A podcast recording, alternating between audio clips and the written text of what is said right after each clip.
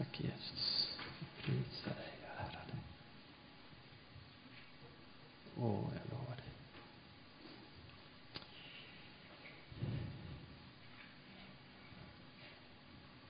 Det är i alla fall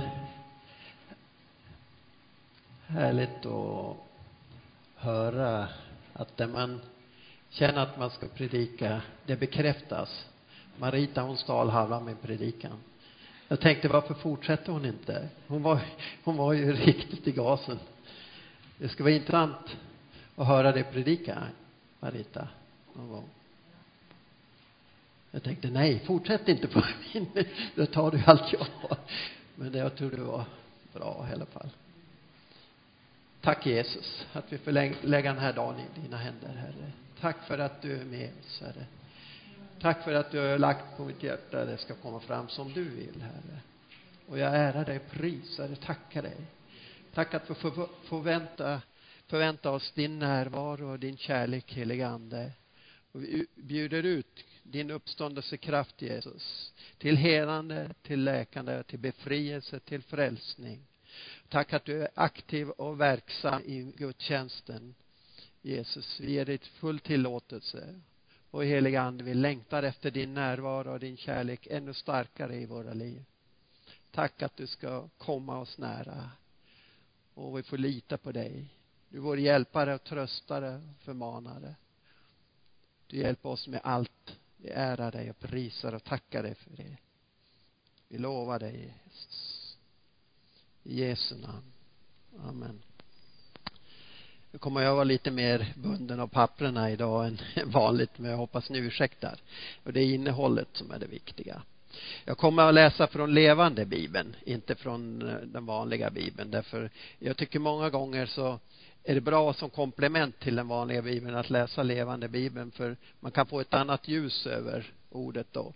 För det handlar mer, mer om sammanhangsbetydelsen där och lyfter fram orden på ett bra sätt tycker jag. Då jag ska läsa från Romarbrevet, hela det åttonde kapitlet hade jag tänkt att läsa för det är så mycket, finns så mycket i det som är dynamit. Frikände rubriken här då. Det blir alltså ingen fällande dom för de som är, tillhör Kristus Jesus. Alltså ingen fördömelse. Andens livgivande kraft som är min genom Jesus Kristus har nämligen fört mig ut ur syndens och dödens onda cirkel. Vi blir inte frälsta från syndens grepp genom att lära oss Guds bud. För vi klarar inte av att hålla dem. Men Gud satte en ny och en annorlunda plan i verket för att rädda oss. Han hade sin egen son i en han sände sin egen son i en mänsklig kropp som vår.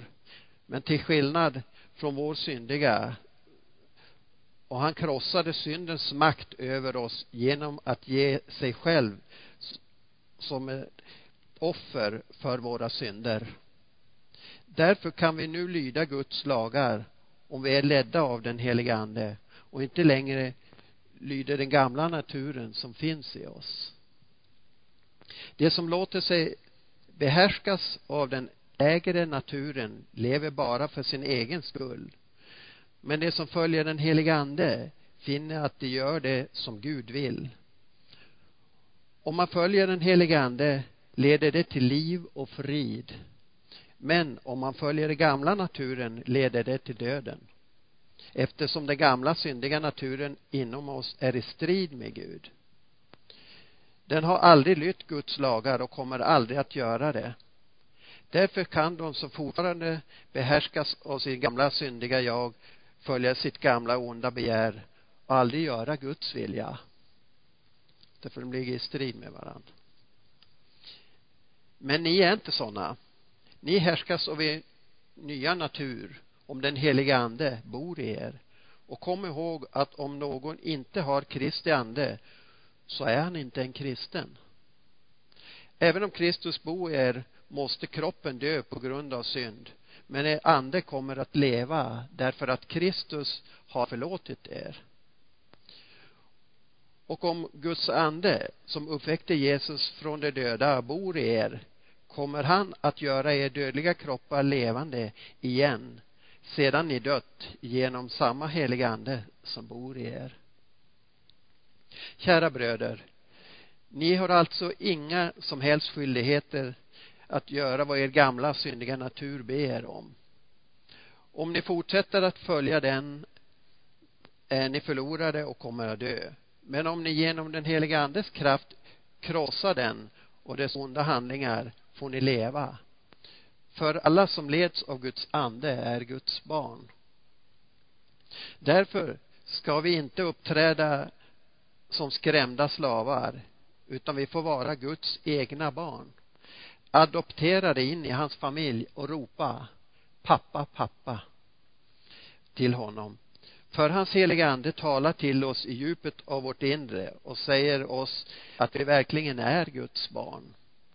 Och eftersom vi är hans barn kommer vi också att dela hans rikedomar. För allt det som Gud ger sin son Jesus är nu också vårt. Men om vi ska dela hans härlighet måste vi också dela hans lidande.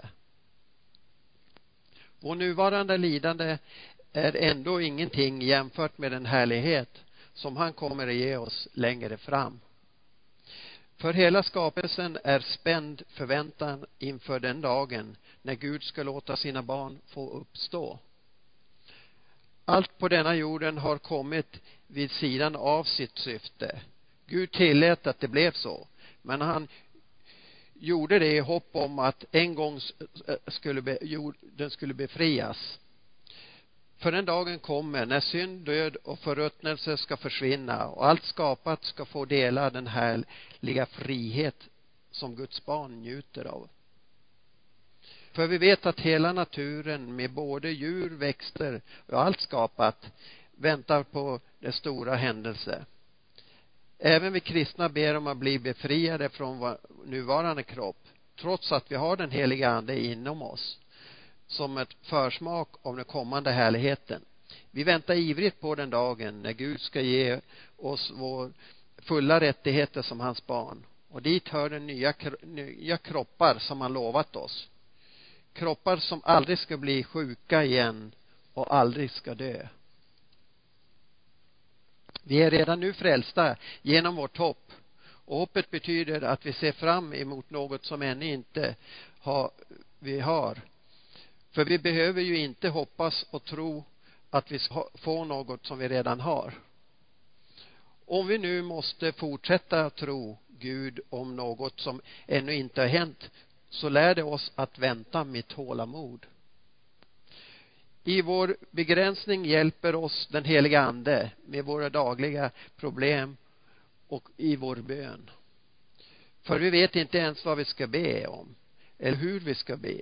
Men den heliga ande ber för oss med en sådan känsla att det in, som vi inte kan uttrycka med ord. Och Fadern, som känner allas hjärtan, vet naturligtvis vad anden menar. För hans bön står i samklang med Guds egen vilja. Vi vet att Gud på allt sätt hjälper dem som älskar honom att nå det goda. Det är hans syfte och vårt, med våra liv Redan från början bestämde nämligen Gud att det som kommer till honom ska bli lika hans son. Och hela tiden visste han vilka det skulle bli. Så skulle hans son vara den förstfödde bland många bröder. Och när han hade utvalt oss kallade han oss att komma till honom. Och när vi kom förklarade han oss icke skyldiga. Förde oss till Kristi godhet fyllde oss med Kristi godhet, satte oss i ett rätt förhållande till sig själv och lovade oss sin härlighet.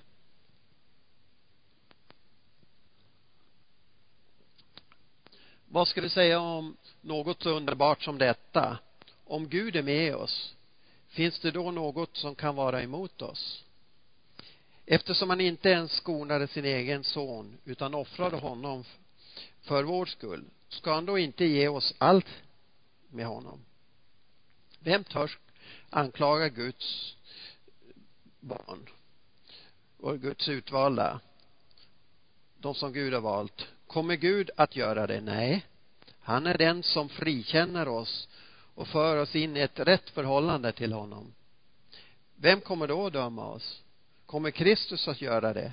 Nej, han är ju den som dog för oss och uppstod från de döda för vår skull.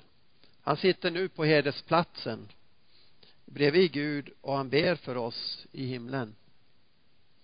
Vem kan då någonsin stänga oss ute från Kristi kärlek? Vi lever i svårigheter och olyckor när vi förföljs eller blir slagna till marken. Beror det på att han inte älskar oss längre då? Och om vi hungrar, utfattiga eller fara hotar med, hotar med döden har då Gud övergett oss? Nej, skriften säger oss att för hans skull måste vi vara beredda att möta döden när som helst. Vi är som får som väntar på att bli slaktade. Men trots allt detta vinner vi en härlig seger genom Kristus som har älskat oss så mycket att han har dött för oss. Och jag är övertygad om att ingenting kan skilja oss från hans kärlek. Döden kan det inte och livet kan det inte. Änglarna kan det inte. Inte ens själva helvetets makter kan hindra Guds kärlek. Ingenting kan skilja oss från Guds kärlek som blev synlig för oss genom Jesu död på korset. Varken död eller liv, varken bekymmer för denna dagen eller morgondagen. Varken krafter ovanför molnen eller nere i djupet. Inget kan skilja oss från denna kärlek.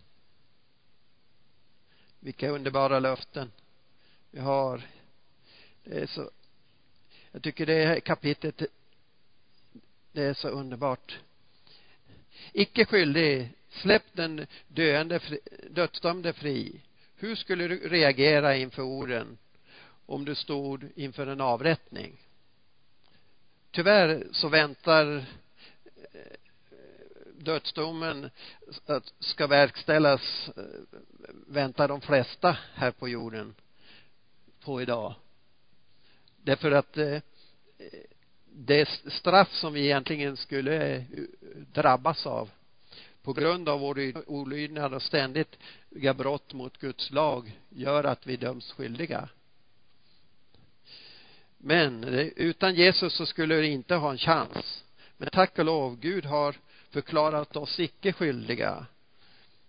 Han erbjuder oss befrielse från synden och utrustar oss med kraft så att vi kan utföra hans vilja. Den heliga ande som är den livgivande kraften han finns med vid världens skapelse och det är hans kraft varje kristen blir pånyttfödd. Han utrustar, utrustar oss med kraft vi behöver för, så, att vi, så att vi lever på ett sätt som behagar honom. Jesus gav sig själv som ett offer för våra synder. Under gamla testamentets tid så fick man ju offra djuroffer regelbundet mot synden. Och det, det skulle påminna oss, eh, folket om syndens allvar. Blod eh, från djur kan ju inte helt och fullt utplåna synden utan det är ju bara tillfälligt det utplånas. Men det offer det pekar framåt Jesu offer, hans fullkomliga offer på korset. Han tog hela världens synd. För djuroffren, djuroffren var ju begränsade till de människor som som eh, offrade för sina synder. Men Jesus han tog hela världens synder på sig. Paulus han delar upp människorna i två grupper. Det som kontrollerades av sin lägre natur och sen det som följde den heliga ande. Vi skulle alla vara med i den första gruppen om inte Jesus hade gett oss en, en möjlighet att komma ut ur den. När vi en gång har sagt ja till honom vill vi fortsätta att vandra med honom eftersom han ger oss liv och frid. Varje dag ska vi medvetet besluta oss för att på nytt låta Gud vara i centrum i våra liv. Varenda dag behöver vi göra en överlåtelse. Det räcker inte med en gång i livet utan det är varje dag vi behöver det. Vi behöver läsa Bibeln och se vilka linjer Gud ger oss. Jag brukar säga att Bibeln är ju människans instruktionsbok. Där vi ser hur Gud leder oss, hur vi ska leva i förhållande till varandra och till, i förhållande till Gud. Och så. Och sen att vi gör som Bibeln säger. Varje gång du hamnar i en besvärlig situation så ska du fråga dig hur skulle Jesus handla i den här situationen? What would Jesus do? Som engelskan säger. När den heliga ande då låter dig förstå vad som är rätt tveka då inte att göra det utan gör det men har du någon gång oroat dig över om du verkligen är kristen? Kristus är var och en som kristen är var och en som eh, har Guds ande boende i sig. Om du verkligen tror på att Jesus har frälst dig och bekänner honom som Herre då är du frälst. Det är oberoende av hur du känner eller hur du upplever det. Det har inte med våra känslor att göra utan det har med vår, vårt hjärta vårt beslut att göra. Och då, då har Gud lovat att han frälser oss. Och sen eh, när, när den heliga ande är verksam i dig och du tror att Jesus är Guds son så har evigt liv kommit in i dig. Du börjar att handla som Jesus vill och du kommer att märka att du får hjälp i din vardag och när du ber. Du kommer att få kraft att tjäna Gud och göra hans vilja. Du blir en del av Guds plan och uppbyggandet av hans kropp, församlingen. Paulus använder adoption som en bild på våra förhållande till Gud hos romarna var det så att den som adopteras in i en familj miste alla sina rättigheter i den förra familjen som han levde i. Men, men fick istället samma rättigheter som en son eller en dotter i den nya familjen. Med allt vad det innebär och rikedomar och fördelar och så. Han fick full arvsrätt också i den nya familjen. När någon blir kristen så får han alla förmåner. Men också en del i ansvaret som vi ofta glömmer vi, när det gäller sådana här saker att vi har även ett ansvar som kristna. Vi får Gud rustar oss och han ger oss väldigt mycket men han ger oss också ett ansvar att förvalta det vi får.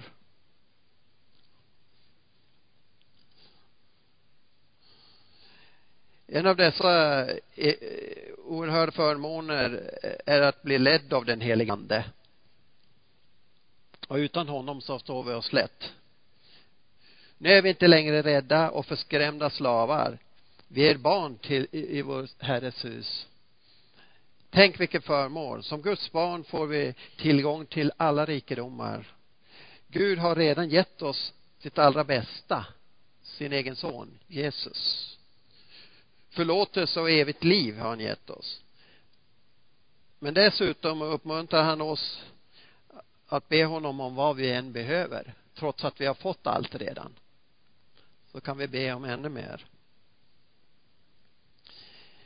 Men det finns också ett pris att betala för att följa Jesus.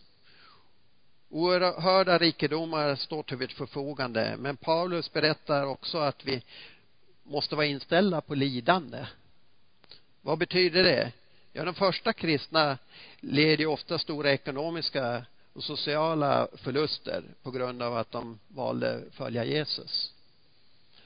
Och många mötte förföljelse och död. Och det händer ju även i våra dagar att vissa länder att det blir förföljelse och dödande av de kristna på grund av att man följer Jesus men för den som lever i en miljö eh, som vi i Sverige här där vi inte känner direkt någon förföljelse eller några svårigheter så är det lätt att vi blir bortskämda och tappar bort tacksamheten till Gud. Att leva som Jesus gjorde kostar alltid något. Man får ställa upp för medmänniskor, ge upp egna rättigheter och motstå trycket från världen. Men inget lidande är för stort i, i den jämförelse med vad, vad vi får.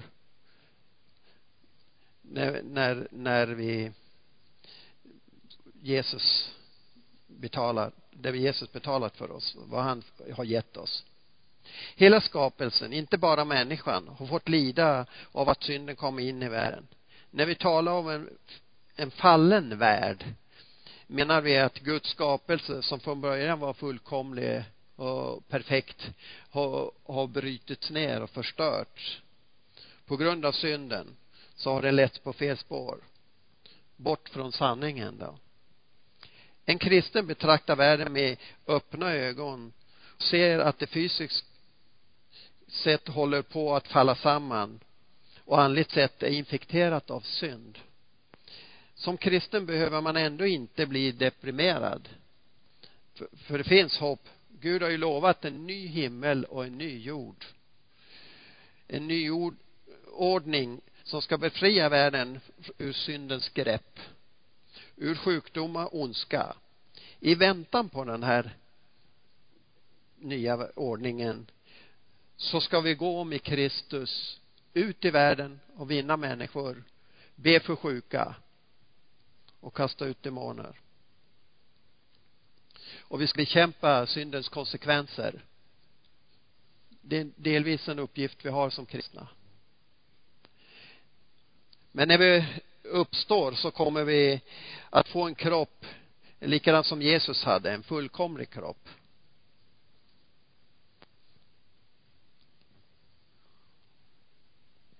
Det är naturligt för ett barn att lita på sina föräldrar även om de skulle göra bort sig och glömma bort det de har lovat.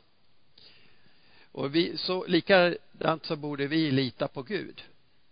Visst, det kan dröja länge tycker vi ibland innan Gud ger oss bönesvar. Men eh, har han lovat oss något så håller han alltid det. För Gud kan aldrig ljuga.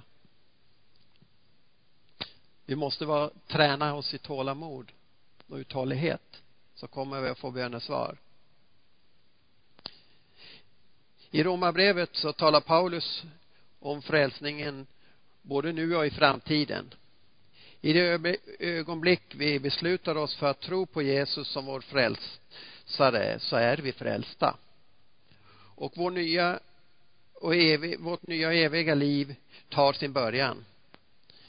Men vi har därmed inte fått tillgång till alla de välsignelser och förmåner som blir våra när Guds rike fullständigt etableras.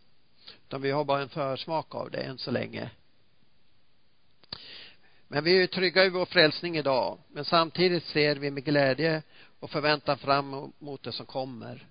Det som vi inte ser och, det, och som är underbart och vi inte kan föreställa oss idag.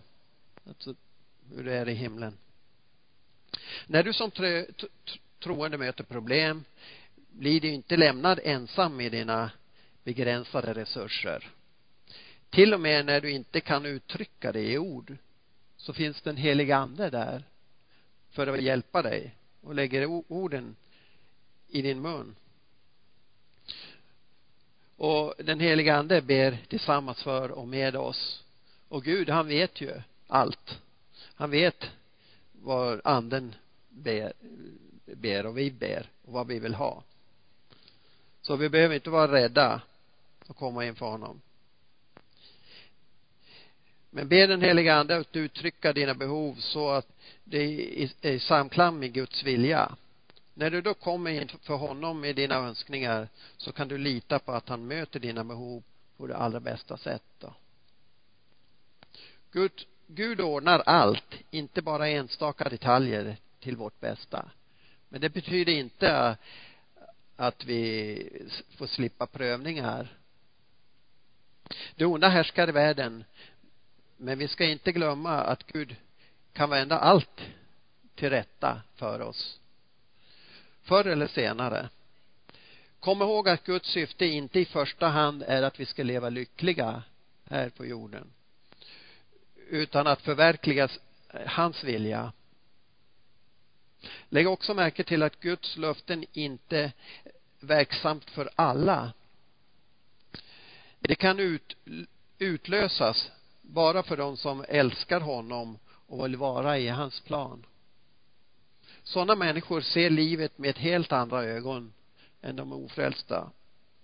De litar på Gud istället för på detta livets goda och har sin trygghet i himlen och inte på jorden. Och de har lärt sig att acceptera lidande och förföljelse som en del av livet. För vi slipper ju inte ifrån det här i livet. Vi har aldrig blivit lovade att slippa lidande förföljelse. Men däremot att Gud ska vara med oss och hjälpa oss. Och det gör att vi förs närmare honom. För vi söker oss nära honom. Guds yttersta vilja för oss är att vi ska bli lik Kristus. Så som det står i första Johannes 3 och 2. Medan detta pågår lär vi känna vårt verkliga jag som den vi är skapade att vara. En del påstår att det, det betyder att Gud redan innan världens skapelse har bestämt eh, vilka människor som skulle bli frälsta. Det hänvisar till Efesierbrevet 1 och 11 som säger att vi är från början utvalda att tillhöra Kristus. Andra påstår att Gud visste vilka som skulle bli frälsta men att inte valde vissa och fördömde andra. Det hänvisar, då hänvisar man till andra Peterbrev 3 och 9 som säger att Gud vill att någon ska förgå, Gud vill inte att någon ska förgås. Vad som är helt klart är att Guds plan för människan inte är en nödlösning. Den finns där innan världens grund var lagd. Människans uppgift är att tjäna och upphöja Gud. Gud har alltid velat eller vetat vem som ska acceptera honom och vem som inte skulle göra det. Det finns ingen anledning att, att frukta. För Gud är allsmäktig och allvetande. Låt oss istället vara en orsak till glädje. Det, det får vara en orsak till glädje för oss. Har du någonsin tänkt att du inte kommer att bli frälst därför att du inte är tillräckligt bra? Det har vi nog alla tänkt. Eller att frälsningen gäller all, alla andra men inte dig. Då är det här avsnittet, Romarbrevet, någonting för dig. Om Gud har gått så långt att han lämnar sitt egen son att offras på ett kors för vår skull. Skulle han inte då kunna upprätthålla oss och skydda oss och bevara oss och hjälpa oss att tillhöra honom. Om Kristus har gett sitt liv för dig kommer han naturligtvis inte vända ryggen till dig och fördöma dig. Romarbrevet är mer än en teologisk förklaring av Guds förlåtande nåd. Det är ett brev som riktar sig just till dig med tröst och uppmuntran. Paulus säger att Jesus talar väl för oss inför Gud just nu. Om Jesus som medlare och advokat kan, vi läsa just att han är medlare och talar till Gud för oss. Så Hebreerbrevet 4 och 14 så står det om det. Detta skrevs till en församling som ganska kort därefter skulle stå inför fruktansvärda förföljelse. Paulus exempel skulle inom bara några år bli en skrämmande verklighet. Här bekräftar Guds djupa och hängivna kärlek till oss. Vad som än händer och var vi än befinner oss i, i så är vi, står vi i centrum av hans kärlek. I centrum av hans kärlek. Hans kärlek omsluter oss på alla sidor. Så låt inte lidande driva dig bort ifrån Gud när, det, när lidande kommer utan sök dig istället närmare honom i det. Vad som än händer i livet så ska vi fly till Gud, inte fly bort ifrån honom. Det är så lätt att skylla allt som händer på Gud och vända honom ryggen. Och vet ni varför det är så lätt? Därför vi har en fiende som hela tiden jobbar emot Gud och gör allting för att bevisa för oss att Jesus inte har dött för oss, inte tagit våra synder och inte beskyddar oss. Djävulen vill hela tiden få oss att vända oss bort ifrån Gud och skylla Gud för allt. Och vem ska vi gå till då? Om vi inte går till Gud. Då finns det ju bara djävulen kvar. Så han är inte dum.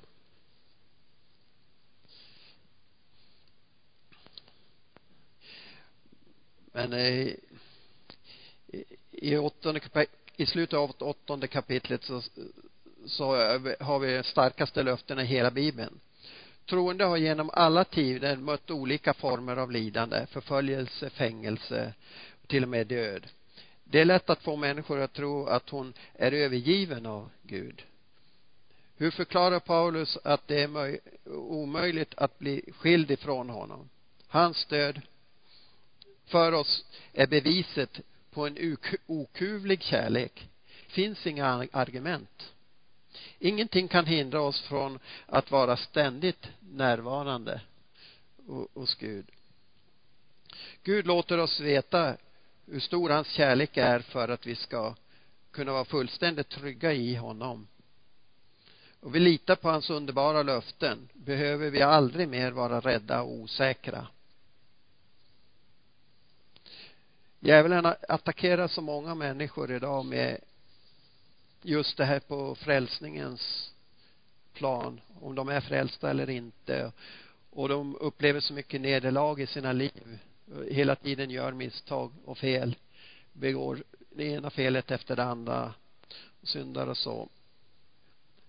Men om vi, vårt hjärta längtar efter Gud och vi vill leva ett rent liv inför Gud och leva för Gud så har vi en hjälpare, den helige ande, som hjälper oss och för oss igenom svårigheterna.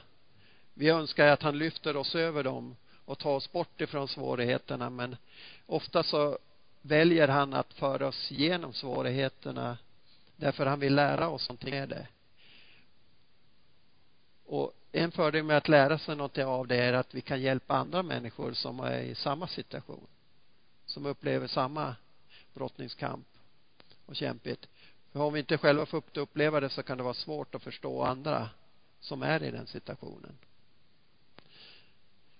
Därför ska ni se Romarbrevet 8 som ett uppmuntrans brev. Trots våra brister, trots våra synder, trots vårt e- elände och all eh, svårigheter vi går igenom så älskar Gud oss och vill lyfta oss över allt det här eller igenom det här. Ge oss kraft och styrka i det här. Så finns det här som upplever att du behöver hjälp en push i rätt riktning och få rätt fokus. Det gäller att ha rätt fokus för där vi har fokusen, dit går kraften i våra liv. Har vi fokusen på problemen, då går kraften dit. Har vi fokus på Jesus, då går kraften dit. Var har vi vårt fokus? På slutmålet och på Jesus. Och på Jesus seger. Så det och Gud han har gett oss den heliga ande en kraft bara utan den heliga ande är en person, tre, tredje personen i gudomen. Vi, han väntar på oss att vi ska prata med honom. Han finns vid vår sida hela tiden. Han finns där i vårt hjärta och väntar på att vi ska kommunicera och prata med honom. Men för det mesta så nonchalerar vi honom. Vi bara eh, tänker inte på honom. Ja, han är vår Guds kraft, men sen inte mer. Och han väntar bara på att få hjälpa oss när vi kommer i svårigheter och när vi kommer i olika situationer. Då vill han hjälpa oss. Men vi glömmer bort honom hela tiden. Jag läste en bok av Benny Hinn om eh, andens smörjelse. Och, och det är ju villkoret överhuvudtaget vid kristna livet så är det att vi har Guds närvaro i våra liv och Guds kraft och smörjelse för att kunna utverka, utföra det verk han har för oss. Så vi behöver den heliga ande. Vi behöver bli medvetna om den heliga ande. Vi stod i det också. När vi ber så kommer anden oss till hjälp. För vi vet inte vad vi ska be om. Men han vet. Till och med när vi ber och inte en aning vad vi ska be så hjälper Gud oss att be till honom. Han är verkligen hjälpsam. Det är som David brukar berätta om man bär ett ok. Han hjälpte sin pappa att bära någonting, vad det nu var. Julgran, ja. Och så hjälpte han honom och tyckte att han bar alltihopa. Pappa hjälpte till. Men det var ju tvärtom. Han gjorde ingenting nästan. Men han kände det som om han bor, bar. Och så, så gör ju Gud. Han låter oss få känna att vi är en del i det han gör. Men det är han som gör det. Men det är, väl, det är Gud är smart att han vet vad vi behöver. Han vet vad vi behöver. Vi behöver uppmuntran och vi behöver hjälp. Och sen så småningom så kommer vi igång. Så lovsångarna kan komma fram. Och om ni har något att sjunga så öppnar vi upp här nu för förbön om det är någon som vill komma närmare Gud och uppleva hjälp, få hjälp i, i problem och så. Och sen om det är någon som är sjuk och vill bli helad så alltså. vill Gud hela under tiden vi prisar Herren.